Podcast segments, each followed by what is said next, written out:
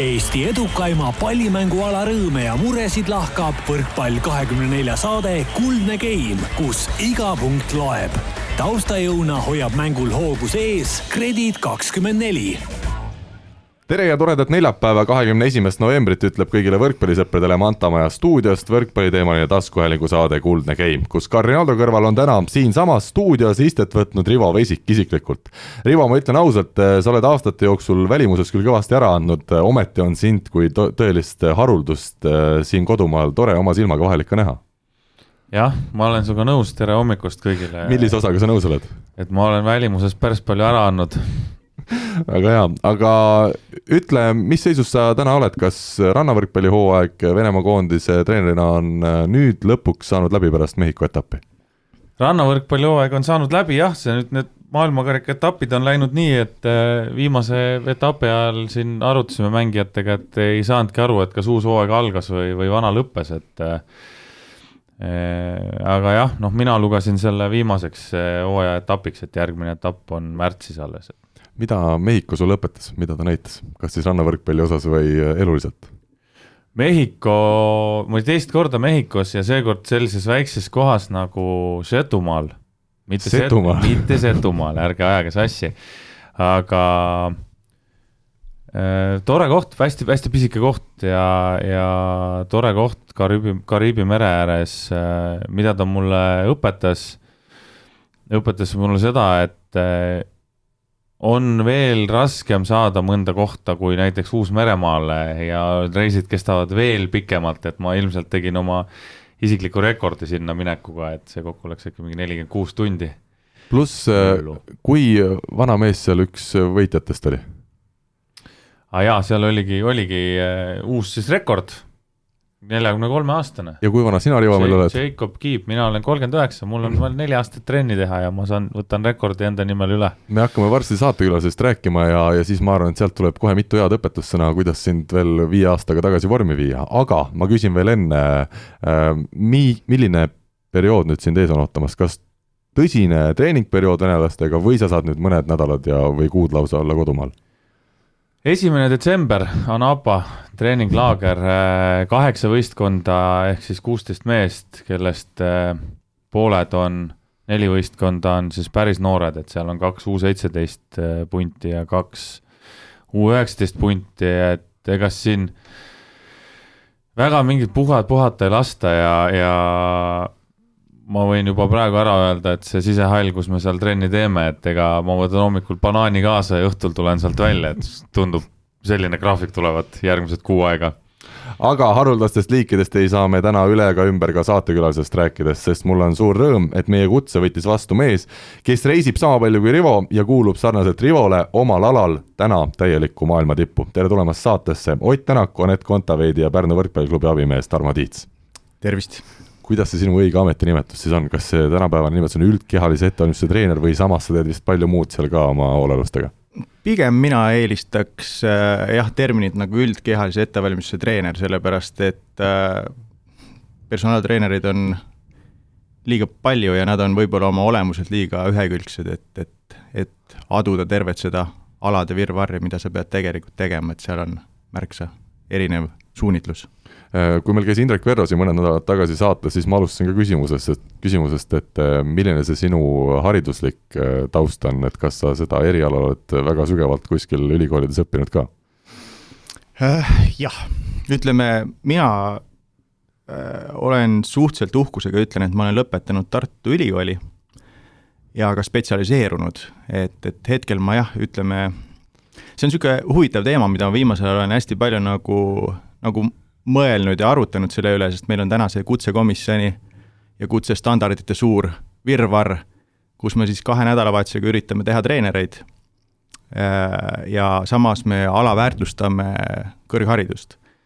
et aga ma olen uhke, mul on kõrgharidus, tänu sellele ma arvan, et ma suudan oma tööga hakkama saada ja, ja, ja see on tore miks ma sult seda küsisin, oligi see, et meil on tänapäeval sellised mehed nagu Eerik Orgut, kellel ma vaatan, et seda kutseharidust nagu väga ei paista kuskilt tulevat, aga, aga kõik inimesed jooksevad sinna tormi, et, et saaks ainult tema käest mõne nipi.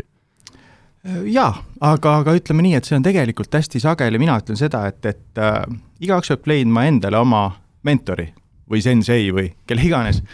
ja, ja kui ta usub sellesse ja talle sobib see ja tal toob see tulemusi, siis see on ju kõik okei okay,, et, et äh, et ma, ma arvan, et pigem ei ole siin küsimus isegi personaalselt nagu, nagu ei Erik Orgus ega, ega, ega mitte kelleski sellises, vaid, vaid pigem nagu, pigem on küsimus selles, et kuidas keegi oma tööd tahab teha, kuidas keegi oma tööd teeb ja, ja kuidas see tal välja tuleb ja kuidas tulemused tulevad läbi selle, et see on, ma arvan, kõige tähtsam. Rivo, ma küsin sinu käest, kui kaua sina Tarmot tead ja kust sa teda esimest korda mäletad? Äh, ma, mina tean Tarmot päris pikalt, ma olen isegi Tarmole võlgu midagi veel. ma ei teadnud, ma poleks saatesse kutsunud. Äh, mina sain Tarmoga. ei, ajame selle võlaasja kõigepealt siis selgeks, et me, meil on kaks meest täna. see oli veel krooni aeg, ma ei oska praegu ümber arvestada et see on, see on huvitav, et ma tundsin hommikul, et peopesa sügeleb, et täitsa sihuke nüüd ma saan aru, miks mul on kotis mõned rublad, ma võin need sulle üle anda. sobib, võta rublad vastu äh, mina sain Tarmoga tuttavaks äh, Audentesest siis ja, ja nii, et mul olid seljaprobleemid ja siis ma ei mäleta, kes või kuidas mingit moodi Tarmo seal jõusaalis figureeris kogu aeg, sa olid vist jõusaali treener seal mingit otsapidi? ja, ja ma olin Audenteses, olin nagu jõusaali treener. seesama, siis oli jõusaal veel teise koha peal on ju seal. judo, judoruumides. täpselt, nüüd mm -hmm. vaat kaks vanainimest räägivad, siis, kus siis oli jõusaal hoopis teise koha peal. omal ajal. ja, jah. täpselt nii ja seal siis ma siis Tarmoga, Tarmo andis mulle mingeid harjutusi ja asju ja vaata ja... palju inimesi ühendab näiteks seljavigastus muidu poleks ilmselt väga tuttavaks saanudki. eks ikka oleks, sest mingi hetk ju jooksid seal äh, ikkagi teed kokku ka seal esiliiga poistega, on ju, või siis nende noortekoondisega ja. kas see selg läks paremaks pärast Tarmo konsultatsiooni? Läks jah, paremaks jah, läks küll. jumal tänatud. mida sina, Tarmo, mäletad Rivost kui äh, noorest võrkpallurist? mina mäletan tegelikult äh, teda enne ka, eks, eks, eks ma noh, jälgisin, mis, mis teevad nagu koondised ja, ja, ja kogu see, kogu see punt, kes seal, kes seal üle Eesti kokku tuli. noh, ma, ma nagu ausalt öeldes äh, ütlen, et ma ei taha siin nagu midagi ilustada, aga minu meelest nagu geniaalne vend, kuidas ei pea oma jalgu liigutama ja oled igal pool all. et lihtsalt nagu see, see, see ongi see nagu, miks, mis minu töö nagu kohati vahest mingite meestega teeb mõttetuks ehk siis ma võin mõnel mehel neid jalgu panna liigutama ennast nii kiiresti kui tahes ja, ja kõiki palle žongleerida ja olla ilgelt osav vend, eks ju, ja kui mingi vend tuleb äh,, mitte ma ei ütle, et see lihtsalt oleks tulnud kindlasti, aga lihtsalt ta teeb risti vastupidi, kuidas õpetatakse, ma arvan, et ma ei eksi päris, on ju. ja, ja ei, see on väga õige. et, et noh, et siis nagu, siis nagu ongi nagu seal tekibki see, see tase, et kus kohas tuleb vastu teatud asjade andekus ja, ja kus siis töökus, et kui need asjad kokku saavad, siis ei ole olemas standardeid. ma vahemärkuses ütlen väga hea näide, oli kunagi, kui Avo Keel oma üliterava ninaga leidis üles Silver Maari ja tõi ta Pärnusse. Äh, esimene nädal meil oli üldkehaline ettevalmistus mm, ja, ja Aavot ei olnud. ja ma pidin ise tegema seda asja.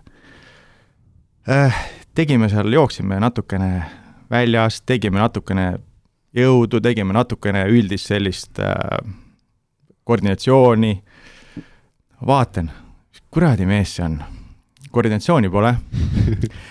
E, oma kehas ennast hästi ei tunne, kuidagi nagu kõik on niisugune kandiline, e, ebatäpne. ja Aavo õhtul või paari päeva pärast helistab, noh, kuidas on, kuidas on? kuule, et ma ei saa üldse aru, mida sa nägid. Et, et füüsiliselt nagu niisugune et öelnud, et ta füüsiliselt vilets oleks, aga, aga lihtsalt koordinatsiooniliselt natukene niisugune nagu, nagu teistmoodi. ja ei ütleks, et nagu, nagu jube sportlane, eks ju, vaid natukene niisugune nagu, nagu, nagu on sportlik, aga teeb asju natuke teistmoodi. ja kui ma esimest korda siis äh, pallisaali läksime, läksin peale pallitrenni, läksin äh,, läksin siis Aavo juurde, ütlesin, et ma nägin, mida sina nägid et see esimene trenn, mis Silver meiega tegi muidugi saalis, see oli fantast, et, et siin äh, järve külge hakkas kohe otsi kokku tõmbama juba septembrikuus, et, et ongi aeg lõpetada, et, et, et, et noh, see oli tegelikult, see oli nagu, see oli lahe. ja, ja see näitabki seda, et tegelikult ei ole olemas sellist nagu kindlat standardit, eks ju, noh, igaüks kompenseerib oma tugevate külgedega, igaüks teeb oma asja hästi. ja kui sa seda nagu nii-öelda aimad ja saad aru sellest ja annad talle võimaluse teha, mitte ei suru oma nagu ego peale, et kuule, ei, ei, sa pead ikka neid, nüüd me hakkame ikka seda tegema, et noh, kui sa näed seda ja aitad teda tema asjades paremaks, siis, siis kõik läheb hästi. Ivo, kuidas mul sa kommenteerid seda? mul oli just äh, sellesama jalgade liikumise ja just nagu põlvest alla laskmisega on ju, et võrkpallis räägitakse, et hirmsat moodi peab nagu põlvest alla laskma, et oleks tehniliselt õige. mina ei ole seda kunagi teinud, ma pole ise selle peale nagu tähelepanu pööranud, on ju ja siis just samas Mehhikos äh, tegin seal soojendust mingi võistkonnaga ja, ja lihtsalt toksisin palli. ja kõrval olid siis Kanada naised, kes tegid äh, soojendust ja siis üks tütarlaps küsis, kas sul on põlved haiged või? sest ei ole põlved haiged, et äh, aga miks sa siis nagu põlvest alla ei lase, et sina kui treener on ju, sa peaks nagu ette näitama kõigile põlvest alla, siis ma ütlesin, et ma olen öko, ökomängija, et ma ei kuluta, kuluta nii palju energiat, ma pean kauem vastu lihtsalt väljakul mm. -hmm. tegin nagu nalja, aga jah äh,, sama lugu umbes on ju Andrei Aganitsa kohta, kui, kui mina tulin esimest korda esiliiga trenni ja Raul pani mind siis, Raul Reiter pani mind siis Aganitsaga paari seal mingit soojendust tegema, siis ma, siis oli ka umbes Raul mingi peale soojendust või peale trenni, küsis noh, kuidas oli, on ju ma olen natuke tagasihoidlikum mees, ei hakanud ütlema talle, et Raul, et mis sa nagu selles mehes nägid, siis minul oli selline tunne, et Aganits kukub poe järjekorras ümber, sest ta ei oska seista lihtsalt ja Raul ütles, et vaata, pane tähele, sellest mehest tuleb kuradi kõva mees ja, ja nii on, et äh, osadel lihtsalt on nagu nii ja mhm. nina selle peale. ja oskavad vaadata ähm,. Läheme selle võrkpalli teemaga selles suhtes edasi, et äh, kuidas sa ise võrkpalliga seotud oled äh,, Tarmo? Hmm.. ma tean, et me enne saadet rääkisime, et sa ennast võrkpalluriks pidada küll kuidagimoodi ei taha, sest see tase, millel sa mängisid, see ei eks olnud ma, eks ma üritasin jah, et ütleme, mina olen nagu see vend, kes üritas kõike, aga, aga ei noh, ma siiani naeran natukene, et, et ma alustasin jah, et, et et kunagi meie sellise poliitiku härra Miksri ema oli mul esimene treener, ma olin vist äkki neljandas klassis ja, ja siis sealt äh, tema lõpetas ära aasta pealt ja siis tuli Willie Vantsi, ma olen Türilt pärit, ja siis äh, tuli Willie Vantsi, kellega ma siis ausalt kuni kaheteistkümnenda klassini siis käisin trennis. jaa, ei, ma käisin ikka viis korda nädalas, mina olin see, see loll, kes oli nagu andetu ja, ja ja, ja tegi tööd te,, tegi tööd, aga kuskile ei jõudnud. et, et noh, see, see on selles mõttes jah, nii ta oli ja, ja pikalt sai nagu käia ja, ja ma arvan, et ma olin üks, üks üks väheseid, kes, kes käis tõesti nagu, nagu palju kohal. et, et isegi öeldes, et, et praktiliselt palju mul seal aastas, ma mäletan, üks aasta äkki mul jäi aasta peale mingi kuus trenni tegemata, ülejäänud ma olin alati kohal, et, et et eks ma üritasin palju, saavutasin vähe, aga aga see oli hea kogemus ja, ja ma ütlen, mingid asjad vahest äh, nagu jooksevad kokku. ma arvan, et kui ma ei oleks seda teinud nii pikalt ja nii süvenenult, ja ei oleks olnud nii noh, nagu ütleme, et heas mõttes nagu andetu, siis võib-olla ma ei oleks tänases seisus saanud spordist nii hästi aru.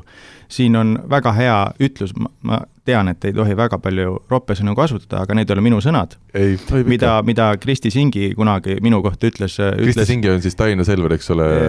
jah, ta oli ja... Tallinna massöör, et kui ma kunagi töötasin Selveris, siis, siis Kristi ütles väga hästi mu kohta ükskord, kui meil jälle mingi mingi töö nagu läks hästi, ma andsin mingit noh, suht vist normaalset nõu, et, et see asi nagu aitas, siis ta ütles ka mulle niimoodi ühe hingetõmbega, ütles, et tead, et see on jumala hea, et sa perse kukkunud kulturist oled. Noh, mina ütlen seda, et, et, et siis sa vähemalt tead, kuidas asju teha, et ehk siis, ehk siis tegelikult ma ei võtnudki seda solvanguna, see oli tegelikult nagu äh, väga, väga hea selline ütlus, mul siiamaale mingid asjad mind kummitavad ja, ja ja, ja see oli nagu aus. Ja see oli selles mõttes nagu õige, et tõesti, et kui sa oled nagu andekas inimene, sa väga sageli treenerina ei saa paljudest asjadest aru, mis tegelikult toimub. Kui sa oled kogu selle jama läbi käinud, siis sul on erinevatele õpilastele anda erinevad vahendid, sellepärast sa oled neid proovinud. ma leian seda, et treeneri töö on rangelt nagu, nagu praktiline. sa pead aduma, sa pead aru saama, sa pead proovima ka ise, et saada aru, mis toimub aga tulles tagasi võrkpalli juurde jah, et see, see nii-öelda see, see Türi teema seal oli, hiljem ma olen natukene üritanud siin mängida ja, ja jupiti trennis käia, kui mul vahepeal oli see jõusaali periood, siis ma jälle olin seal sees ja ma ei mänginud ja siis ma vahepeal jälle mõtlesin, et tore oleks ja nii ma niimoodi jupihaaval olen teinud, kuni ma nüüd äh, peale nii-öelda veteranide osas ma lõpetasin selle pulli ära, sest see on, äh, see on hullumeelsus Need turniirid. kas turniirid või oma keha? ei, minu keha on väga okei okay,, sest ma andsin endale mingi hetk nagu äh, tea, aru, et, et kui, kui ma rõngast enam ära ei hüppa, siis ma kindlasti enam võrkpalli mängida ei taha. aga kurat, jama, ikka tuleb ikka tahad? ei, ikka hüppan kinni sinna. aga ma mõtlesin, et sa tõstsid selle rõnga allapoole. ei, ei tõstnud ja täitsa paha lugu. et selles sul mõttes. mingi, kunagi oli ka põlvega vist mingi probleem, kui ma mäletan või? ikka on, sest mul on palju probleeme olnud selles mõttes, et, et eks ma olen noh, ma olen siiani nagu naernud, et, et et kui kunagi sai mängida nende õhukeste tennistega ja, ja ma ei hakka, ma ei hakka omal ajal siin rääkima, eks ju, aga, aga noh, ütleme parimal hetkel mul oli hüpe oli meeter ja kolm senti. ja, ja koolipõlves, ma arvan, pikka aega mul olid seal Paide rajooni nii-öelda kehaliste katsete tabelites olid mul ka need asjad suht kõrgel. väikse mehena pidi hüppama ja, ja oligi nagu see, et eks seal äh, kippus seda põrutust päris palju tulema ja. kõrgelt kukkumine on ju kõrgelt kukkumine nagu, maandumine tuleb nii kõrgelt, mina hüppasin kolmkümmend senti, põled jumal terve. et eks, eks see natuke kipub olema, eks ma tegin hiljem liiga ka, noh, ütleme üldiste selliste oma, oma jõusaaliga samamoodi, et ma olen millegipärast sattunud sinna seisu, kus, kui ma üheksakümne viiendal äh, läksin Tart- või Tartu Ülikooli õppima siis ega teadmisi ei olnud, oli, oli vene ajakirjad, äh, kulturismi näiteks oli Sila i Krasota ja, ja, ja, ja, ja. väga hea ajakirja nimi muide. on, on, super, eks. super ajakiri, eriti kulturismi ajakiri. no täpselt, eks ju, et, et aga, aga jah, oli, oli palju asju, mis, millega nagu ütleme, tuli nagu jageleda ja, ja oma teadmistega, teadmised tuli leida päris palju ka äh, teoreetilise, praktilise kombinatsioonis, aru saades kas siis see asi nagu toimetab või mitte ja, ja suheldes nagu erinevate teiste inimestega, eks see on võrkpallis ja igal alal niimoodi, et, et ma arvan, see täna, see teadmiste baas on väga suur, võib-olla liiga suur.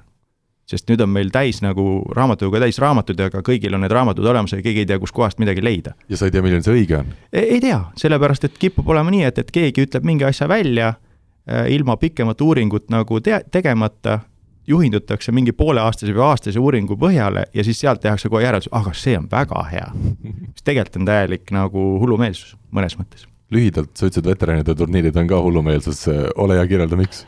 kas ikkagi võit on tähtsam seal kui elu või? E, eks, eks paljud jah, ütleme, et, et keha ei võta, suu võtab ja, ja, ja teine asi, mis minu puhul läks nagu hullumeelseks, on see, et, et noh, ütleme niimoodi, et minu, minu, et mu käsi üldse üle võrgu ulatuks, siis on vaja hüpata.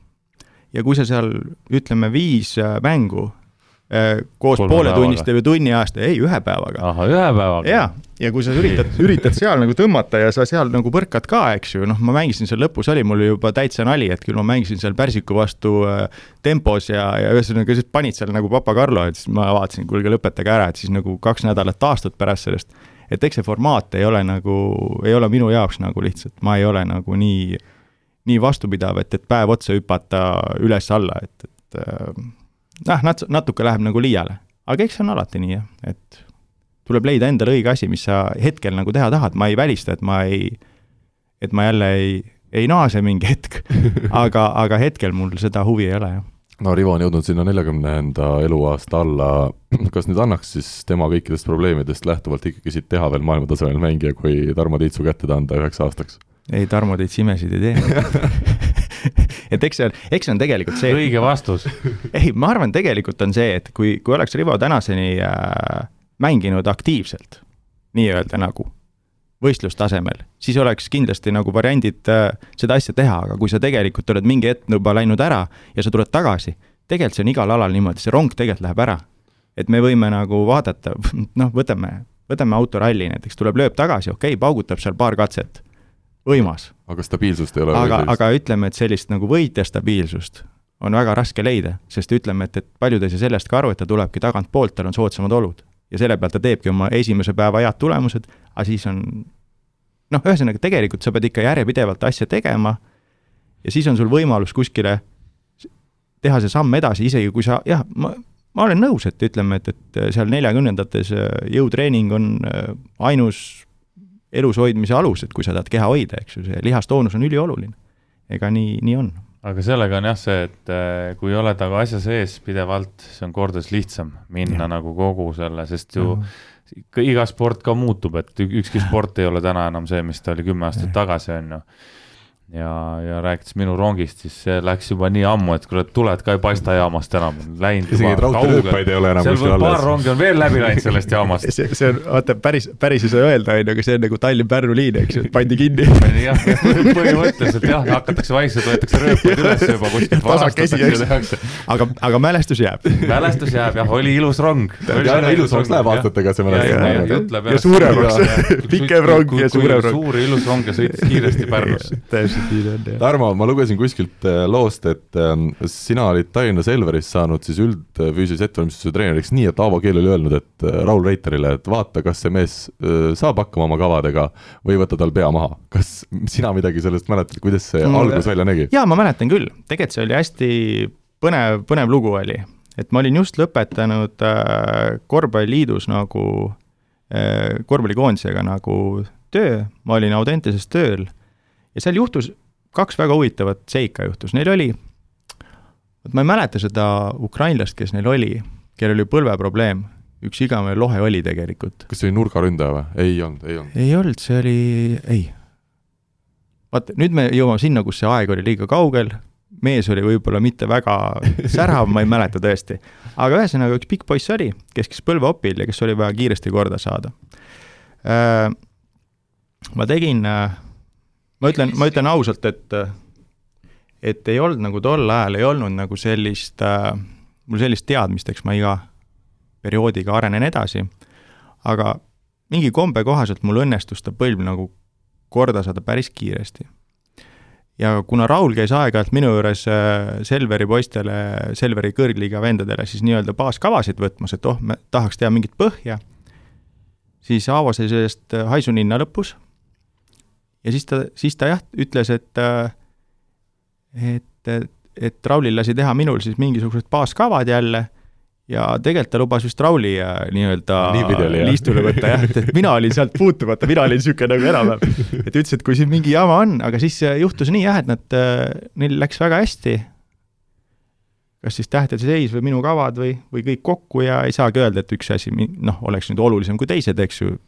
ehk siis trennid läksid paika igas mõttes, et mitte ainult jõusaalis, vaid ka pallisaalis ja mentaalsus oli paigas ja neil läks tõesti hästi. ja ma mäletan siiani, kuidas veel ise, isegi Argo Meresaar nagu hea sõnaga nagu mind pärast raadios nagu tänas. ja kuidagi peale seda oli, oli nagu, oli nagu Aavo oli vupsti mul seal üleval jõusaalis laua taga ja, ja ütles, et äh, jah, kuule, mul on sulle pakkumine ja nii, nii juhtus see, läks see Aavoga nagu koostööks. ja siiamaani on see koostöö kestnud? on jaa, jaa, jaa, ja ma väga, ma väga naudin seda, sest äh, et minu jaoks nagu ma ei, ma ei, ma ei eelista treenereid treeneritele, aga minu jaoks on temaga nagu lihtne tööd teha. räägime Aavo keelest paar sõna, ole hea, Tarmo, alustuseks sina, sa oled nüüd umbes siis kümmekond aastat temaga koostööd teinud või? kipub olema jah no milline Kipub mees Aavo, Aavo on, mina kõrvalt ka juba päris palju teda tunnen tänu ajakirjaniku ametile, äärmiselt selline ütleme, äh, kütkestav persoon, kes kuidagi oskab inimestega suhelda, oskab meeskondi mängima panna, äh, kuidas sina kõrvalt teda näinud oled ja, ja mida täheldanud, no me siin ka saate alguses natuke sellest rääkisime, milline hea nina tal on, aga just inimesena. tal on äh tal on äh, väga huvitav selline nagu selle kohta öelda, kuidas ma nüüd ütlen eesti, eesti keeles on see selline nagu kirg selle ala kohta. ta, ma, ta on nagu selles mõttes, mulle ta väga meeldib, et tal on see tahe teha, ta ei, kunagi ei taha teha asju nagu väga pinnapealselt, vaid ta tahab alati saavutada. ja ta tahab, tahabki neid asju nagu teha maksimaalselt noh, selle aastaga täpselt sama, et, et, et kui algne plaan siin oli vahepeal üldse nagu noori koolitada ja teha noortega, siis kuidagi see asi on järk-järgult läinud ikka meil nagu välismaalaste peale, ikka, ikka, ikka kuskilt tahaks pingutada, et noh, et selge, et, et natukene on meil raske täna, aga, aga, aga, aga tal on see, see tahe teha asja nagu väga hästi. ja, ja ta näiteks aastate jooksul, mis ma olen temaga koostööd teinud äh,, tänu talle olen mina arenenud, ma loodan, et ma olen talle ka andnud midagi ja ma näen, et ta tegelikult läheb oma asjadega nagu aste-astelt nagu paremaks, mida väga paljud äh, treenerid ei tee. et on siin ju väga palju treenereid, kes siiamaale nagu ütleme, teevad ühte kindlat oma joru ajavad, see kümme aastat, viisteist aastat, Rivo ütles, et asjad muutuvad, ma leian samamoodi, asjad muutuvad. kõik peab minema nagu kaasa tulema.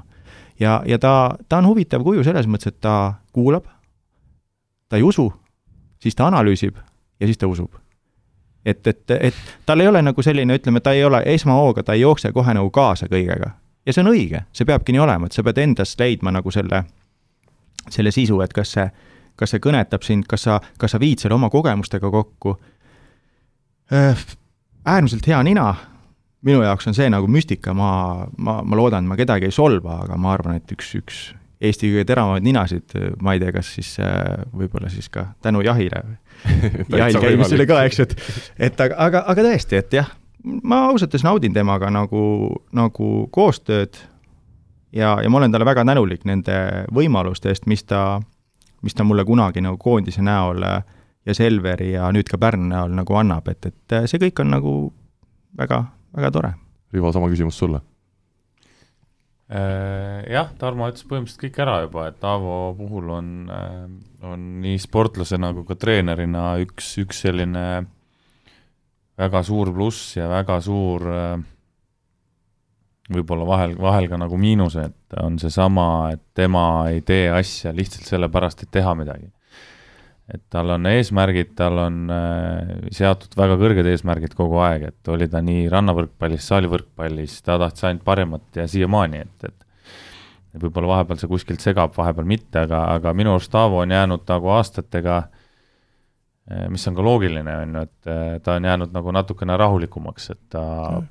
nagu sellesama hooaja alguses ütles Aavo väga hea lause, on ju, et et kui võib-olla mingi viis-kuus aastat tagasi treenerina oleks ta siin hooaja alguses eh, kirunud ja vandunud ja karjunud, on ju, siis täna ta ütles rahulikult, et meil on aega küll, et meil on kolm ringi mängida, et meil pole võistkond koos ja me sätime vaikselt, et vaatame, vaatame, mis siin kevadel saab, et eelmine aasta näitas sama asja, on ju, et vaikselt läksid ja, ja kevadel olid, oli Eesti meister Pärnu, et aga noh, Aavoga mina olen nii palju kokku puutunud kõikidel erinevatel tasemetel, et oleme tema vastu mänginud ja temaga koos mänginud ja on ta olnud äh, minu mänedžer ja minu treener ja noh, see saalis nagu mänedžer ja treener ja ja ka isegi rannas mänedžer aidanud meil siin toetajaid otsida ja värke, et äh, samamoodi, et mina, mingi, mingi hetk minu noor ego ja tema võib-olla vana ego põrkasid üsna kõvasti kokku kuskil aga mina Aavot austan, austan nagu ja olen ka tänulik talle kõikide asjade eest, mis ta on nii Eesti võrkpallile teinud kui ka minule isiklikult, et äh, Aavo on äge mees no kui siin on ka räägitud Eesti koondise uuest peatreenerist, on räägitud, et see võiks ja peaks olema välismaalane, nüüd nagu see on selgunud, siis see välismaalane ikkagi igal juhul ka on. ja on öeldud, et need Eesti treenerid, äh, võtame just need vanema generatsiooni treenerid, siis äh, Aavo, Andrei, Urmas, et neil puudub äh, selline väga tipptasemel, ütleme siis, kogemus võrkpalli osas. kuidas sina, Tarmo, sellele otsa vaatad, sa juba siin eelmisele küsimusele vastates ka ütlesid ära, et Aavo tegelikult käib selle ajaga kaasas et sina ei ütle, et, et seal võiks mingi küsimus olla äh,?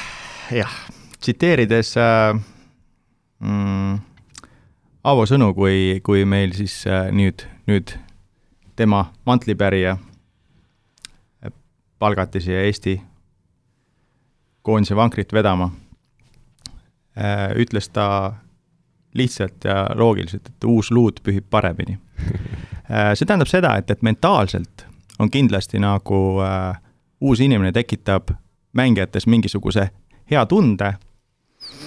ma arvan, et, äh, et võib-olla siin mingisugused härrasmehed äh, nagu naeravad, kui ma ütlen täna, et, et ma arvan ka, et, et ka Aavo tegelikult veaks selle vankri kenasti välja. aga ma jään selle juurde, et ütleme, et kui see, kui on vaja muutusi, siis ju siis neid äh, tuleb teha, aga, aga vaadates kõrvalt, suheldes äh, äh, noh, siis, siis ma arvan, et, et eks ei taha, ei taha nagu midagi öelda, aga, aga ridade vahelt öeldes, et poliitika ja sport ei sobi kokku. ehk siis tegelikult me peaks ikkagi tegema nagu ideeliselt nagu õige otsuse, vaadates nagu nii-öelda üldist spordi perspektiivi, et mitte poliitiliselt mingeid otsuseid teha, aga selleks võib-olla on vaja teisi inimesi, kes otsustavad. oleks Aavol endal veel huvi olnud näiteks koondise tagasi tulla, ta on küll seda ise nii-öelda ametlikult äh, eitanud, aga, aga samas mina ka Aavot tundes, ma arvan, et kui talle see pakkumine oleks tehtud näiteks, siis äh, ma usun, et ta oleks sellest kinni võtnud igal juhul mm,. siinkohal ma ei tea. ja ta ütleme, ta on ka Läti koondise juures, see muudab asja natukene keerulisemaks. jah, see muudab ka, aga tegelikult ütleme, et ma ei, ma ei oska öelda, kas see, kas ta noh, eks see, eks see on tema enda nagu, see on väga raske otsus tegelikult, kui sa ühe korra oled nagu olnud ära, äh, siis on olnud nagu ajakirjanduslikult palju kiidetud treener peale sind. Et kuidas sa siis nagu seda, seda kohta siis nagu lähed, lähed tegema, et kas sul on piisavalt enesekindlust äh, minna öelda, et need asjad käivad nii, nagu mina tahan, eks ju, või, või siis äh, sa natuke riskid nagu selle nii-öelda selle pahameeletormiga, mis, mis võib tulla, kui sa saad esimesed kaotused ja siis hakatakse, noh, ühesõnaga, tegelikult selles mõttes on nagu täna võõral treeneril, kes tuleb täiesti nulliga siia, on kindlasti lihtsam tulla, sellepärast et ta ei jää selle tule alla. noh, seal võib teha aja, ajakirjandusele väga häid äh, nagu noh, nagu on alati tehtud ja siin viimased koondise aastad ka, kus öeldi, et, et meil on kogemuste aeg ja me siin vaatame jälle ja noh, küll me teeme suuri tulemusi, aga siis, kui ei tule, siis on meil hea kogemus. noh, aga need kogemused lõppude lõpuks, äh, kogemustega sa turniire ei võida. Rivo, äh, sama teema sinule jätkuks, on sul siin midagi lisada, kommenteerida? Minu kommentaar selle kohta on, on pigem see, et kui me räägime Aavost kui koondise treenerist siis kus võis minna natukene paljuks mängijatele, oli see, et väga paljud mängijad olid ka Aavoga koos Selveris. et tänasel päeval välistreeneril on kindlasti lihtsam, ta ei ole nendega aasta läbi koos ja loomulikult, kui sa inimesega oled nagu neli aastat niimoodi koos, et sa oledki nagu igapäevaselt koos, sa väsid tast ära. see on üks asi, teine asi on see, et äh, ütlesin enne, ütlen ka praegu ja ütlen ka enne ja, ja siis ma lõpetan selle ütlemise ära, kui tuleb tulemus Eesti koondis Euroopa meistrivõistlustel ei ole arenenud edasi tulemuste poolest. Gretuga mängides on tulemused täpselt samad, mis Aavoga mängides. kui me võtame nüüd ära selle, et oli kakskümmend neli võistkonda koond- või seal EM-il, siis Eesti selle EM-i tulemusega nad ei oleks saanud EM-i finaalturniirile ja see tsükkel oli Aavoga täpselt sama, täpselt ja. sama. kaks korda said, üks kord ei saanud ja, ja kõik mis on jah, välistreeneriga ongi võib-olla see, et on lihtsam saada välismaal klubidesse, sest ongi nagu võib-olla rohkem tutvusi. aga täna mina ütlen täiesti ausalt, et, äh, et äh, ma arvan, et nii Urmas Tali kui Andrei Ojamets, Aavo Keel, kes meil siin on kogenud, Rainer Vassiljev samamoodi peaks saama selle koondisega välja. kas autoriteeti on piisavalt palju nende mängijate ees, kes täna mängivad meil maailma tippklubides? Nende mängijate ees, jumal tänatud, Eesti mängijate ees ei ole vaja nii palju piisavalt autoriteeti, nad on mõistlikud inimesed, nad saavad aru, miks nad seda teevad. Nad ei tee seda treeneri jaoks, nad teevad seda enda jaoks, nad teevad seda Eesti võrkpalli jaoks ja mitte treeneri, ma ei usu, et seal on ühtegi mängijat, kellel on vaja täna kellel on täna reaalselt vaja nagu rusikaga panna vastu lauda, et nüüd sa pead tegema seda. Nad teevad kõik oma asja. seal on see ja, motivatsioon niikuinii olemas. seal on motivatsioon ja seal on pigem on see, mis neid nagu viib edasi või, või teeb, on just võistkond. et see on, see on üks autoriteet on täna Gert Toobal, kes äh, ütleb, sina ei teinud eile trenni korralikult äh, ja see mees läheb, hakkab kükke tegema. põhimõtteliselt nii ongi. aga selle koha pealt Eestist, välismaalt, jumala eest, ma arvan, et meil on olemas need mehed, kes saavad selle tööga hakkama. selge, meie võtame siit aga ette küsimusmängu. küsimusmängu toetaja on teamshield.com oma disainiga spordi ja vaba aja riided nii, ja küsimus mängus siis uurisime eelmisel nädalal järgnevat, mis on Liisa Soometsa ja Helene Hollase parim koht üliõpilaste maailmameistrivõistlustel ning kus see saavutati, Rivo, sina kui kõike teada rannavõrkpalli teemadel, oled sa teadlik sellest? jaa. nii, sa nägid mu paberit või? jah no siis sa tead, kus see oli. ma ei tea, ma ei, ma ei, ma ei tea kõiki asju, aga mul on väga head silmad.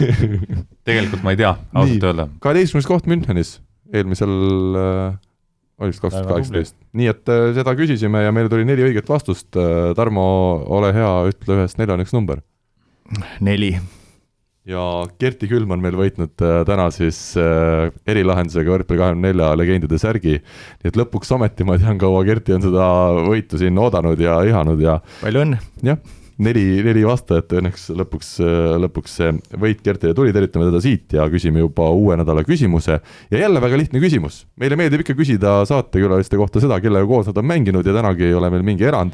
küsime, kellega koos treenis äh, Paide spordikoolis Tarmo Tiits noorena ja vihjeks siis nii palju, et see, kellega koos ta treenis ja see, keda me küsime, jõudis lõpuks Eesti koondisse ja oli seal ja äh, põhimees, ma ei ütle, kas oli või on, muidu läheb juba liiga lihtsaks. Igatahes vastused saab saata info, et võrkpalli kakskümmend neli punkt ee ja võrkpalli kahekümne nelja Facebookile ja sõnumitesse ja kõige õige, õigesti vastanute vahel läheb taas loosi siis see eridisainiga särk. meie läheme siit aga järgmise teema juurde. aeg on välja selgitada nädala tegija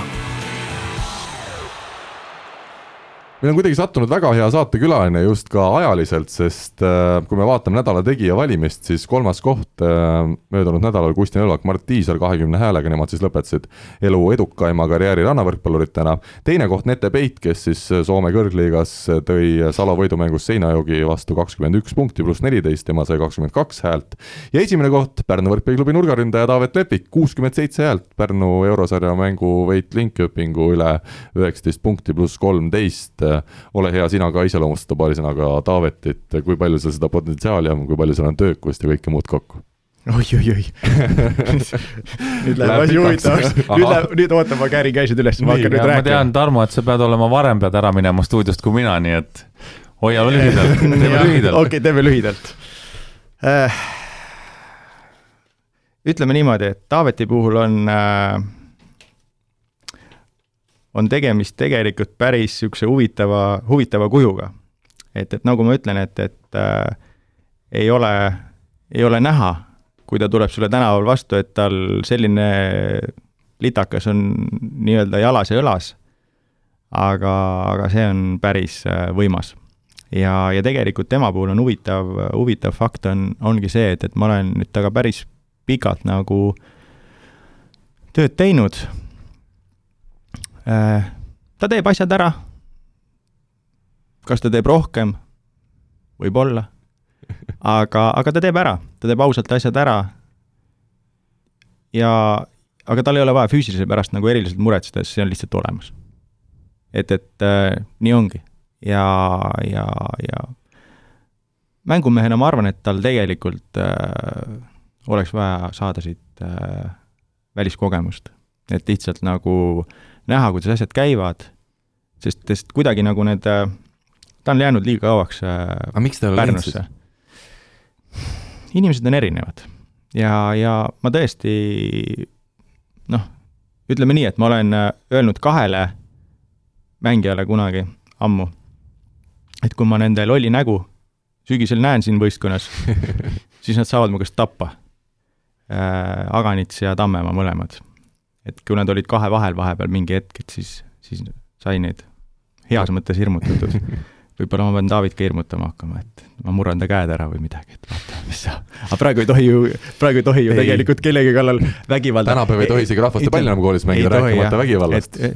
jah, sõna, jah, verbaalset terrorit ka ei tohi teha. no ei. ma mõtlen, kuidas ma teen, et võib-olla siis äh, ütlen, et, et siis ta Lexus läheb katki või kui ta ära ei lähe. no ma pean mõtlema. seal Pärnu võrkpalliklubis. oi, oi, oi, oi, oi, oi, aga, aga nii suured palgad on ju. jah, jah, no ei, kuidas sa muidu Lexust ostad, peabki palk suur olema. muidugi, iga punkti eest saad sota ja mängus ja tonn üheksasada no Rootsist. Pole normaalne kipsimehe palk. no täpselt. kuule, aga ütle, palju tal siis arenguruumi veel on, oled sina sellel arvamusel, et temast võib veel saada Eesti koondise põhimees ühel hetkel? või on seda natuke liiga palju loota veel? ma arvan, et ta on Eesti koondise põhimees tegelikult. lihtsalt küsimus ongi selles, et, et äh, ma olen alati öelnud, et, et kui kunagi oli hästi suur poleemika, oli selle kohta, kus siin äh, kus siin oli suur viha selle peale, kuidas Aavo näiteks võttis äh, Andres Toopali asemel, võttis Marti Keele, võttis sisse, siin oli ju, sellest oli, jumal issand, mis see oli ju siin nii mõnigi meie ma, ma ei hakka üldse rääkimagi, mis seal no, oli. nii nagu nüüd räägitakse EKRE-st meedias, nii räägiti toona sellest. ja, ja see oli, see oli, see oli kõva teema, et siin nii mõnigi, mõnigi ordenimees siin tahtis juba võistkonnast ära minna ja, ja siin oli üldse nagu erinevaid asju, aga, aga aga põhimõtteliselt on see, et tegelikult kui aus olla, siis iga treener, see on nagu malemäng. kui sa eelistad ikkagi nagu äh, oda nagu äh, ütleme äh, näiteks vankrile, eks ju, siis nii on. sina mängid oma nuppudega selle mängu läbi ja sa eelistad alati, kui sa mängid malet, sa alati mängid mingite nuppudega, kui sa oled harrastaja, mängid alati mingite nuppudega võib-olla eelistad neid nuppe rohkem kasutada. nii ongi. ja, ja, ja ma arvan, et, et noh, kui siin võtta nagu laias plaanis, siis mul on kahju, et Taavile tegelikult ei antud äh, võimalust. Äh, mul on sellest väga kahju, sest, äh, sest potentsiaali minu meelest tal on ja kui võttes näiteks arvesse, ma tõesti võtan mütsi maha näiteks selle teguviisi ees, kui Timo võeti koondisse esimest korda ma arvan, ta sai sealt päris hea astme nagu motivatsioonilaksu minna edasi. ja, ja tegelikult mul on kahju, et Taavile seda ei, ei võimaldatud. noh, aga see on jälle, see on siis, kes, kes mida tahtis, et võib-olla ta oli siis oda ja, ja, ja kasutati rohkem nagu ettureid ja, ja, ja lippu, eks ju, et noh, kes teab keskkonnavahetus on alati kasulik, et äh, ma olen täiesti nõus sellega ja, ja minu, ma võib-olla natukene tooksin, äh, tooksin paralleeli äh, mitte nagu mängija olemuselt, aga just sellest, et ta on kaua olnud Pärnus, ma tooks Andrus Raadikuga paralleeli natukene. sest Andrus Raadik oli ka, ta oli pikalt Pärnus, tal olid pakkumisi välismaalt, aga, aga mis põhjustel ei läinud sinna, seda ei tea, on ju, seda teab tema ise. aga temast sai teisel tasemel mängija, nii kui ta läks ja. Pärnust ära. ja kuigi ta oli tolleks hetkeks, kui ta ära läks juba kolmkümmend, eks ole. täpselt, ta läks, läks ja, ja täna on ta hoopis teine mees, kes ta oli Pärnus, ta oli Pärnus hea aga, aga see keskkonnavahetus on, on ülioluline mingi hetk, et sa lihtsalt ei suuda ühes kohas olla. sa ei arene enam edasi, sa, sa, sa lihtsalt ei arene edasi, see on täpselt sama nagu äh, eile rääkisin äh, meestega, kes käivad äh, rannavõrkpalli mängimas iga nädal, on ju. Nad käivad mängimas iga nädal. ja räägi, tulid kurtma, et noh, et siin ikka ei tule nagu mingid asjad välja ja et, et me ju iga nädal mängime, te mängite iga nädal, teete trenni täpselt samasugune keskkonnavahetus, et võtke omale mm. treener, tehke trenni, te arenete ja siis Taavetik samamoodi, et ma arvan, et kui tema läheks kuskile välismaale, Soome, kuhu iganes, ta näeks professionaalsemat seda poolt, on ju, natukene oma mugavustsoonist välja, natuke rohkem nõutakse sinu käest ja, ja sa arened ja sa arenedki jah, sest me näeme siin sel hooajal ka, et äh, ja eelmine hooaeg nägime, et kui Taavet on väljakul, siis see on hoopis teine Pärnu meeskond kui siis, kui Taavetit ei ole väljakul. nojah, keegi peab ju palli nagu vastu ka võtma seda küll, tänases Pärnu võistkonnas kindlasti jah. esimest puudet on kindlasti nagu vaata, sageli mind häiribki see, et ütleme, et, et et on korvpall ja, ja on võrkpall samamoodi, et, et et alati ma naeran, et kui keegi ütleb, et oi, et kui hästi nagu Robert Täht lööb, on ju mm.. me ütlesime, ahah, lööb hästi tõesti. aga enne seda on veel kaks puudet vaja teha. ja kui need, need tuleb ka hästi tule, teha. et, et, et keegi ei näe nagu tervikut ja sama on korvpallis, et, et kes viskas kõige rohkem punkte, okei okay,, aga mis, mis sinna eelneb, eks ju, kõik, et see kõik on niisugune nagu, see on niisugune suhteline teema nagu. aga öelda, jah, Taavi koha pealt küll, mina arvan, et ta peaks minema mingi hetk nagu välja ja, ja ja nuusutama seda õhku seal natukene ja ma tõesti loodan, et, et ütleme, järgnevas äh, koondise tsüklis ta ikkagi kaasatakse ja, ja julgetakse teda võtta, sest tegelikult mees on, mees on hea. no aga nüüd ma tulen selle juurde, mis tema puhul kõige rohkem veel räägitakse, see tervis praegu ta ikkagi igal hooajal mingil hetkel laguneb kas siis äh, nii-öelda haiguse osas või tuleb mingi väike vigastus jälle juurde? jaa, tal on, ütleme, õlas on, äh, õlas on seal üks lihas ju puudu. ja, ja eks see tekitabki ülepingeid nagu õlaliigeses. ja suurema koormuse puhul see paraku nii hakkab minema, eks seal tuleb tal endal olla natuke hoolsam, aga noh, eks äh, noh, Rivo teab oma karjäärist ka, et kui midagi ei valuta, siis pole ju vaja sellega tegeleda mingi hetk, eks. ja siis, kui see hakkab valutama, siis on jälle oi, õige, ma pean hakkama seda tegema, aga, aga vahest ütleme, selle koormuse peale on siis juba hilja. sa pead natukene rohkem nagu ennetama neid asju, sa pead teadma.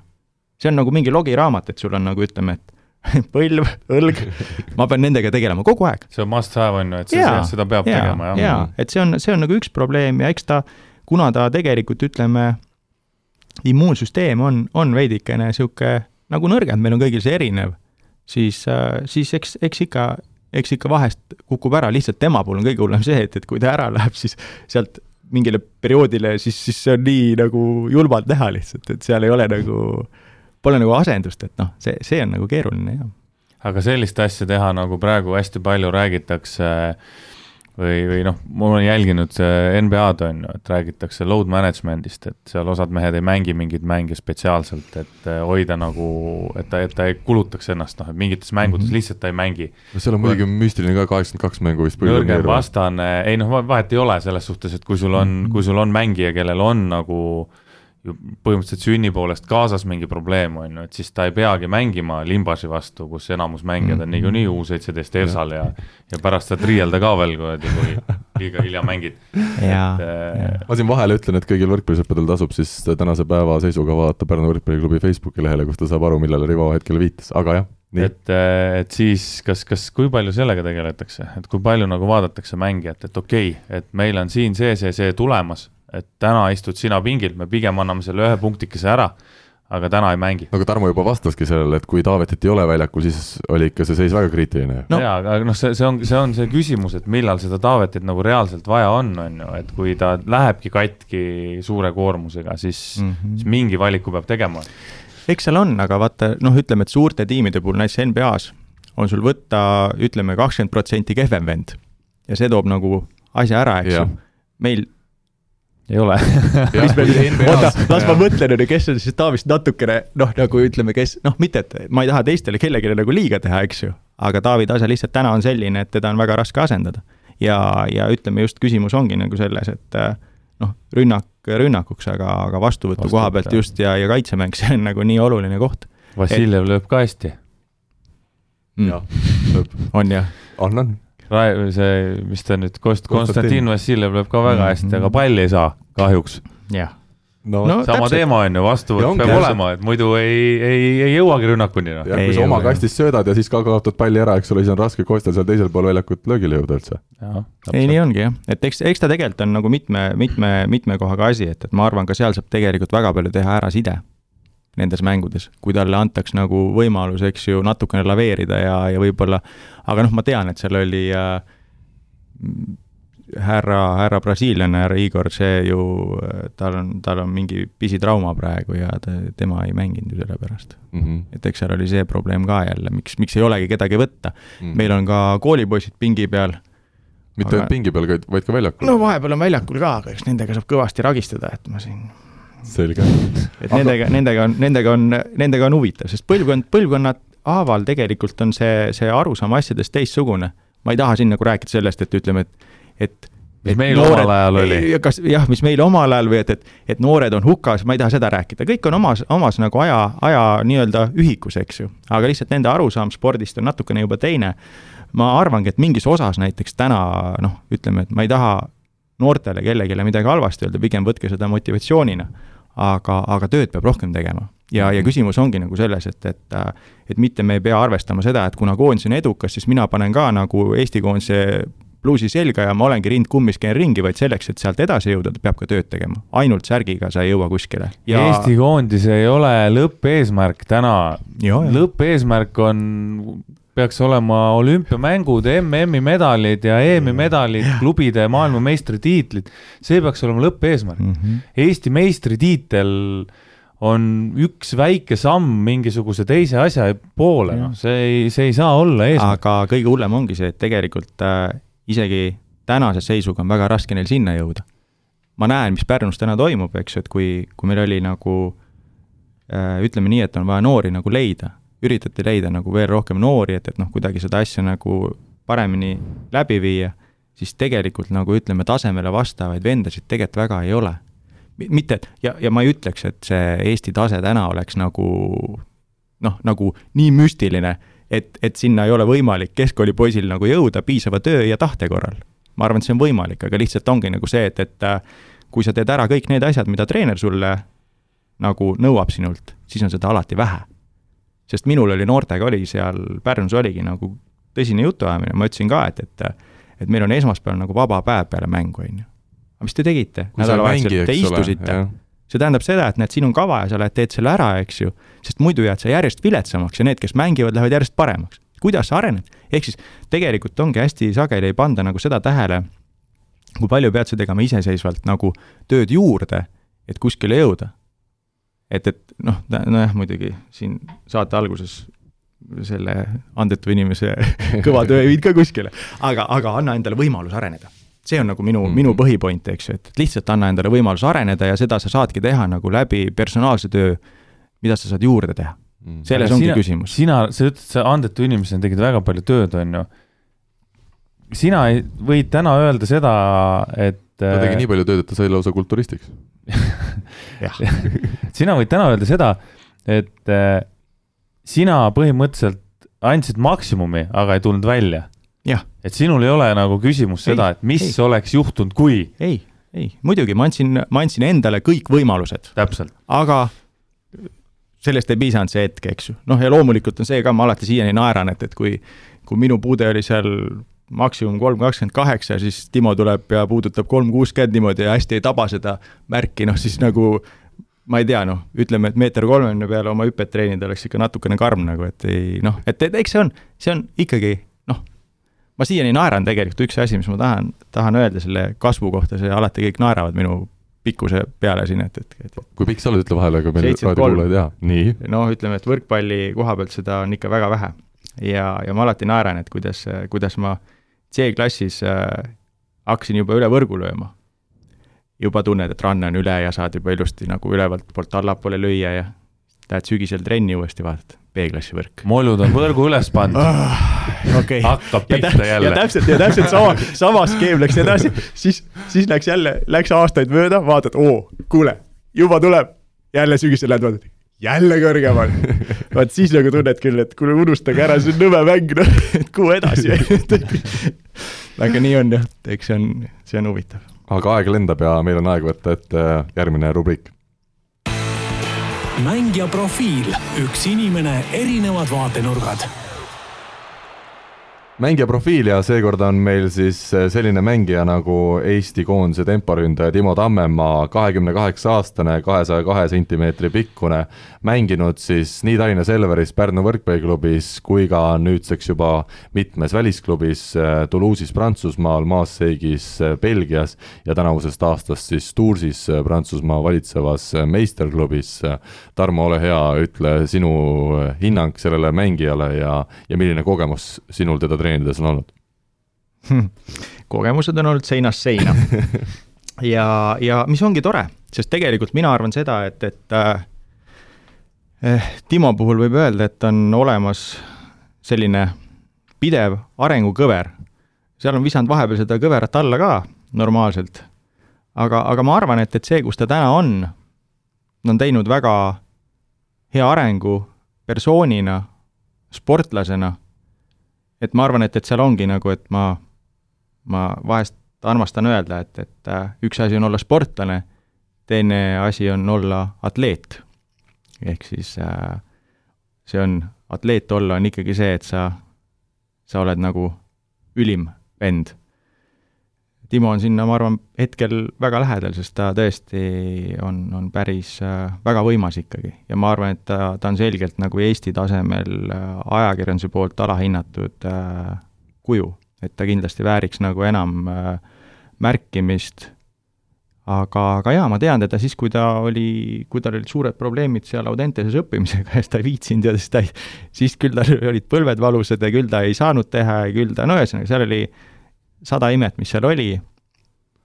Selveris oli, oli ta ka veel selline veidikene nagu noor ja roheline ja võib-olla tegi vigu, aga tema oli, siis, nii, jah, aga Pärnus äh, lõppude lõpuks oli mul väga hea vaadata tema arengut äh,, ta tegi tööd ja nagu ma ütlesin, et see niisugune koondisest käik mõjus talle tõesti väga-väga positiivselt äh,.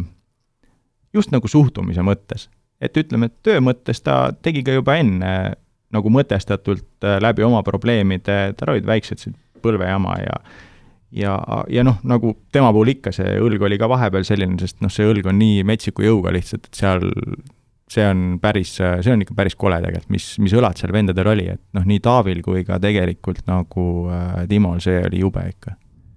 Kas äh, see mõte, et temast diagonaalründaja teha, nagu ta siin ise ka suvel seda varianti otsis, on sinu hinnangul põhjendatud või ta on ikkagi oma kujult äh, ja kõige poolest täielik maailma tipptemporündajana ja peaks sinna jääma karjääri lõpuni? no vot seda nüüd nagu üldkeelse treeneri käest küsida on küll nagu ilmselgelt väga palju et, aga me ootamegi sult täna palju me näeme, et sult võib küsida, et sa ei, võib, võib tead küsida. küll asja. jaa, aga, aga ütleme, et mina arvan seda, et tegelikult eks, eks igaüks tunneb nagu, tunneb nagu oma koha peal ennast võib-olla hetkeliselt nii hästi, kui ta tunneb, eks ju, et ma ei, ma ei oska öelda, kuidas ta ennast tunneb nagu diagonaali koha peal.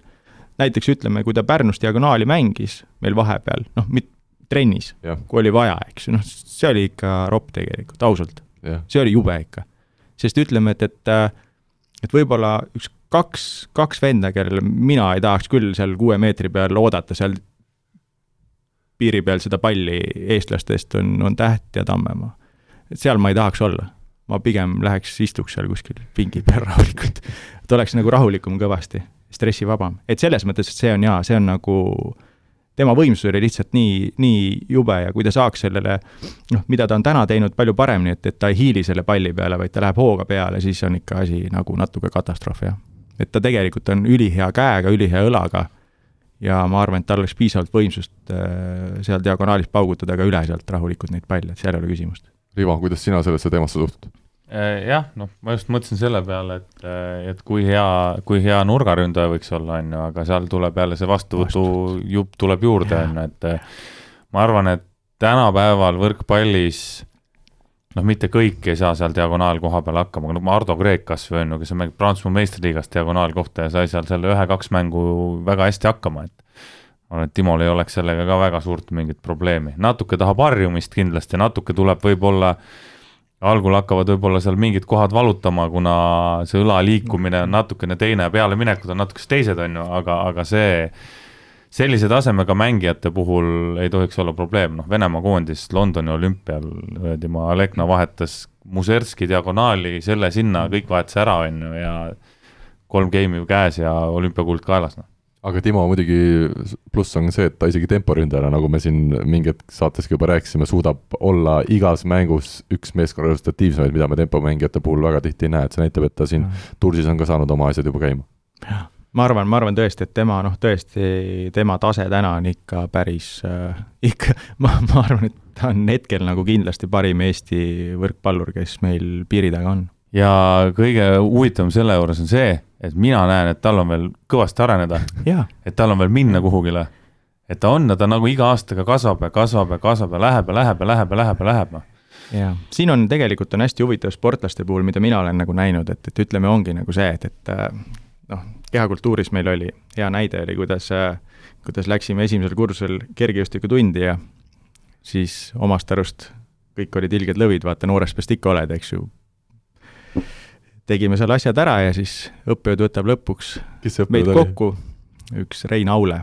kunagi, kunagi oli, ütleme seal, tegeles siis terve selle kergejõustiku osakonnaga ja vaatas meile otsa ja ütles, et noh, nagu ma näen, et keha on, aga kultuuri ei ole et äh,, et me just õppisime kehakultuuri teaduskonnas. et, et, et mis on noh, jällegi väga kuldsed sõnad selle koha pealt, et eks Timol on sama, tal on keha kogu aeg olnud aga see kultuur tuleb juurde. ehk siis kultuuri sa tegelikult pead liigitama nii-öelda täiskasvanulikuma aju nii-öelda nagu mm, -hmm. ütleme, et sa, sa kasvatad omale täiskasvanud aju. ja see kasvab ajas ja ma arvan, Timo puhul ongi täna nagu see, et, et füüsiliselt noh, kuhu edasi, eks ju. et noh, füüsiliselt kindlasti, aga, aga me, me kasvame vanemast peast mentaalselt paremaks. ja mida paremaks ta mentaalselt nüüd äh, läheb, mida rohkem ta saab kogemusi, mida rohkem, noh, paha öelda, et kahekümne kaheksa aastaselt sa saad kogemusi, aga kui sa oled uues keskkonnas, sa saad kogemusi. ja see, see ongi see tema areng nagu tegelikult, et kui ta kasvab inimesena, areneb kogu aeg, siis sealt tuleb tegelikult see, see lõpuks see tõeline pärl meil pluss äh, temporündaja puhul on ikkagi just see mängu lugemine on ka äärmiselt oluline ja see saabki ainult aastatega tekkida ju mm,. noh, eks see, eks see Rivo võib-olla ütleb seda tal ei paremini. tulnud seda mängu lugemist, tal, ta võib-olla ei oska nii tema, öelda. tema luges igatpidi, see oli kõige hullem, et ta luges kõike. aga, aga lihtsalt küsimus ongi võib-olla selles, et, et eks see mängu lugemine tuleb äh, samamoodi läbi kogemuste, sest ma mäletan, kuidas äh, Selver mängis mingi hetk kunagi, noh, ma ei hakka jälle ütlema, et see oli ammu, on ju, pidin ütlema, vabandust, et äh, et mängis soomlastega, äkki me mängisime mingit Euroliiga, ma ei tea, mitmendat ringi me seal mängisime. ja, ja see side seal oli nii haigelt äh, kiire tõstega ja nii haigelt nagu ajas laiali selle mängu, et noh, meil oli, Aganits oli näiteks keskel, ma mäletan siiamaale, kolm korda vaatas, kuidas pall löödi neljameetrisse ja tal olid käed üleval, aga ta isegi ei jõudnud hüpata. ta isegi ei reageerinud, see asi käis nii kiiresti. kolmandas game'is olid sõrmed vahel juba. ehk siis see ongi kõik selline, selline ütleme, et mida rohkem sa saad erinevaid vastaseid, mida rohkem sa saad erinevaid äh, nii-öelda nagu selliseid äh, ütleme, üks-ühega seal temporündajatel võitlusi, seda tegelikult paremini sa arened ja lõpuks sa, sa saad ka kõigest äh, aru, sind ei üllata miski. ja ma arvan, see on see, mis jah, see, seda võib öelda nagu, et see on jah, tõesti mingis osas nagu kogemus. aga meie võtame siit ette saate viimase osa.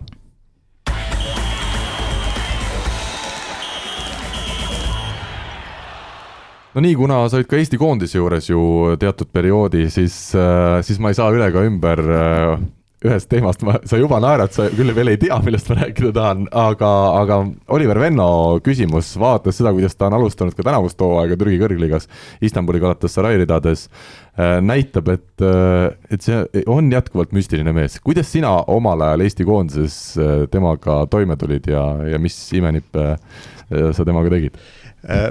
Noh, ütleme niimoodi, et mm, minu esimene aasta, kui ma koondises olin, see oli siis enne seda kuulsat, me valmistasime siis seda nii-öelda selleks Hollandi mänguks, mis siis meie jaoks lõppes edukalt. Oliver Venno mängis minu meelest too hetk randa ja ta liitus nädal-kaks hiljem meie laagriga. Ja, ja minu esimene kogemus, see on geniaalne lihtsalt. Aavo ütles, et kuule, et, et tead, tee temaga nädal aega tee jõudu, et me teeme palli, noh, ta on mänginud, kõik on okei okay,, et veame ta natuke kaasa. ja läksime siis äh, Rabahallis, tegime trenni tol ajal. meil oli, Rabahallis olid pallitrennid ja läksime siis jooksma taga, ma ütlesin, teeme väikse niisuguse sörgi, siis lähme jõusaali, teeme peale asjad ja läksin ise kaasa, mulle meeldib väga sageli nii-öelda kaasa teha asju, milles, millega ma saan hakkama enam-vähem veel ja hakkasime siis temaga jooksma ja äkki vaatan, et vana muutub hästi selliseks nagu imelikuks ja ütleb, et küsib, kaua me veel jookseme, me olime jooksnud võib-olla mingi poolteist kilti. ütlesin, noh, et, et teeme siit natukene veel, et siis nagu on okei okay.. aa, me ei ole kunagi nii kaugele jooksnudki. tähendab, ta oli seal põõsa taga tõenäoliselt passinud tavaliselt ja oodanud ära mingi aja ja tagasi läinud, on ju. ehk siis ega ta, ega ta, ega ta ei ole kunagi nagu töömees olnud, aga hämmastavalt hea tajuga hämmastavalt hea käega ja, ja, ja nii on. et see, jälle me jõuame sinnamaale, et ütleme, et, et, et kui ta oleks andnud endale võimaluse et teha veel juurde kõvasti tööd ja näha vaeva, siis me mitte kunagi ei tea, mis potentsiaaliga see mees tegelikult päeva lõpuks oleks olnud mm. -hmm. me ei tea seda. mina arvan, et see potentsiaal oleks olnud metsik. aga, aga, aga see on minu arvamus jälle et võib-olla. ei tea ka seda, äkki oleks katki läinud. jaa, täpselt, oleks läinud katki või oleks mentaalselt lihtsalt nagu täitsa kuku olnud, eks ega me ei tea ju. et selles mõttes on jah, see selline, see on kõik nagu fakt, noh, see ei ole fakt, see on lihtsalt oletused, et võib-olla. me ei tea, aga kindlasti saaks teha paremini. aga kui see sind niipidi rahuldab ja sa vead niimoodi välja, nagu tema täna veab, eks ju, noh, siis. Why not? ilus eestikeelne väljend, why not? ütleme, miks mitte eks, et, et, et nii on, et ega ma, ma arvan, et tegelikult tema puhul lihtsalt äh, ta on veidikene teistsugune hing oma olemuselt ja, ja, ja nii ta on, me, me kõik on erinevad, eks ju. kes on niisugune, kes mõtleb asju ühtepidi teha, kes teistpidi.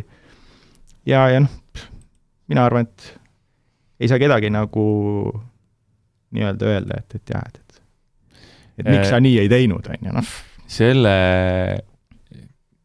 inimese või sportlase täispotentsiaali teadasaamise meetod toimis äh, Nõukogude Venemaal väga hästi, kus võeti kolmsada inimest ja pandi nad kõik maksimumiga tegema asju, need, kes läksid katki, need läksid seina äärde kohe ära. Ja need, kellest, need, kes pidasid vastu, kes panidki oma maksimumini välja, nendest said superstaarid põhimõtteliselt. ja, ja, ja oligi noh, lihtsalt ja, nagu täpselt. läbi masina ja mm.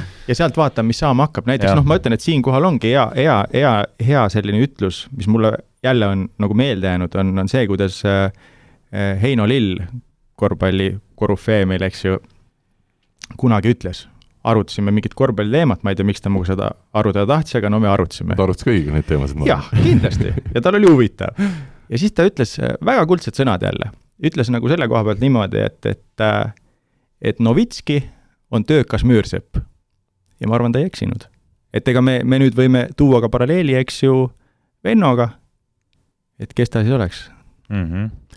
ega me ei tea mm. -hmm. et me ei tea ja kahjuks ta ka ise ei saa teada ja, ja paljuski, paljuski öeldakse ka seda, et ütleme, et kui sa, mis viga oleks teha nagu trenni kahekümne-aastase keha ja neljakümne-aastase mõistusega aga, aga neljakümneselt hakkad aru saama lõpuks tegelikult, et mida sa võib-olla jätsid tegemata, mida oleks võinud paremini teha, aga seda teemat me võimegi jääda ajama, sellepärast et noored nagunii ei, käivad isepäi ja lõpuks nad peavad ise selle tee leidma ja lõpuks, kui me oleme vanemad, me saame kõik aru sellest, et pagan, mingid asjad jäid tegemata ja midagi ikkagi oleks võinud teha paremini, võib-olla oleks pidanud proovima seda, kes teab eks see elu ongi vist nii loodud, et ja, ja, ja. käivad nii-öelda vastupidist rada need äh, no, jõud ja, ja vaim ja. ja kindlasti ja ütleme, et ega kipub ka olema see, et ega väga palju noh, ütleme, noored ikkagi, kuidas, kuidas Ivo Linna ütles, et ütles, et, et äh, noored, noored, lahti pael. ei, ei, et me kõik jääme kord vanaks. see on ka variant, aga Ivo Linna ütles väga hästi, ütles niimoodi, et noored äh, arvavad, et vanad on lollid. aga vanad teavad et noored on lollid. Ehk siis tegelikult noh, ma ütlen, et eks, eks see nii ongi, et see on selline äraspidine loogika. Mingis, mingis mõttes see kindlasti, ma arvan, et ka Oliver saab aru mingi hetk, et, et kui palju ta jättis oma ressurssi võib-olla ripakile, aga võib-olla mitte, kes teab. seda ei tea keegi. Ja see on igaühe enda tegelikult valik ja igaühe enda tee tegelikult mm. -hmm. et mhm. kuidas ta seda teed astuda tahab, nii ta seda teed astub ja, ja kes siis lõpuks ütleb, mis see õige on ja ühte või teistpidi Oliver Venno on ülikõva vend. see, mis ta seal on, teeb täna on. Türgis, ebareaalne. täiesti, täiesti geniaalne. geniaalne, jah. on Äh, saate lõpetuseks ma tahaks ikkagi rääkida paar sõna ka teistest aladest, kuna meil selline mees on stuudios. Äh, mul on üks küsimus. jalgpall või? mul on üks küsimus nii. aga ma küsiks selle täitsa viimasena kohe. jaa, sobib, sobib, aga enne ma küsin ära Ott Tänak ja Anett Kontaveit. Äh, no muidugi seda vastust võibki siin rääkima jääda sellisele küsimusele üldisele, aga, aga kuivõrd kerge või raske neid treenida on olnud? raske, aga väga ütleme nii, et, et äh, väga suur kogemus on sealt tulnud, mille üle ma olen väga õnnelik. et nad on, äh, ma, ma kipun liigitama, et, et äh, üksikalade sportlased on kõik natukene kiiksuga. mitte halvas mõttes, heas mõttes, neil on oma mingid väiksed vimkad, oma mingid asjad, hästi palju on sealt niisugust mentaalset mängu, mis nagu, millega sa pead nagu ennast pidevalt harima, ja see, et, äh, see, et ma olen sunnitud ennast nagu harima läbi selliste nii-öelda mentaalsete nii-öelda materjalide ja asjade, see on väga huvitav. ja ma arvan, et see tegelikult on, on, on, on väga põnev. alad on natuke erinevad ja, ja pinged, mis seal tekivad, on erinevad ja ka alade nii-öelda vajadused füüsiliselt on erinevad. aga nad on äh, Nad on mulle iseenesest väga palju andnud ja mulle väga-väga, ma olen selle tee üle, mis ma täna käin, nagu väga õnnelik, et ma olen rahul. ma usun, et sina oled ka nendele päris palju andnud eh,. Ma tahaks loota, et seda on vahest aru saada, et nad on tänulikud, et selles mõttes on, on, on tore, on Min tore ma mäletan, see oli aastate eest, kui ma tegin Tallinna spordihallis äh, üksinda trenni, ka selline üksikala vend ikkagi enne, enne tõeliselt võrkpalli juurde minemist äh, igal lainel. ja kaks inimest jooksid seal kiirendust, see oli umbes selline päev, kus kedagi teist äh, hallis ei olnudki, need kaks inimest olidki Anett Kontaveit ja Ott Tänak, nad koos jooksid. juba toona, kui nad kumbki ei olnud veel sellel tasemel kaugeltki, mis nad täna, oli seda huvitav jälgida, sina olid nende kõrval. Ole hea, ütle veel natukene nii-öelda hetkeseisu kohta, kuidas, kuidas seda Oti minekut Hyundai'sse näed, esiteks äh,?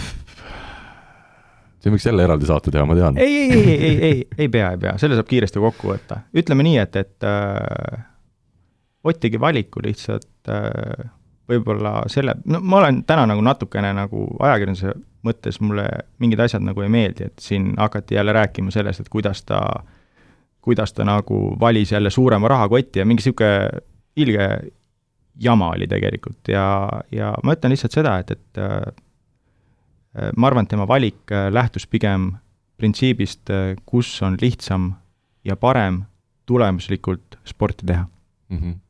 Janeti puhul me teame, tal oli siin äh, selline imelik viirus või kuidas seda ime, iganes seda nimetada, on ta nüüd tänaseks päevaks täiesti tagasi terve ja, ja valmis edasi minema? ei, me oleme teel, aga, aga, aga tegelikult tänaseks on see, see taastumisprotsess on oluliselt kiirenenud. Äh, me saame teha normaalselt juba treeninguid ja, ja ma usun, et me jõuame, meil on nüüd see Tai laager tuleb kohe siin detsembri alguses. Ja ma panen sinna peale väga palju nagu, et, et me saaksime jõuda täpselt sinna, kus me olime tegelikult US Openil, US Open oli päris ma arvan, et on paar kohta see aasta, kus mul oli ikka väga, treeneril nagu väga valus vaadata, oligi nagu US Openi see pooleli jätmine, kus tegelikult me ju nädala enne mängisime, mängisime nii-öelda treeningmänge ja kui seal nagu lihtsalt Läti esinumber löödi nagu esimesega kuus-üks ja, ja noh, siis oli ikka, tegelikult oli nagu üli-ülihea.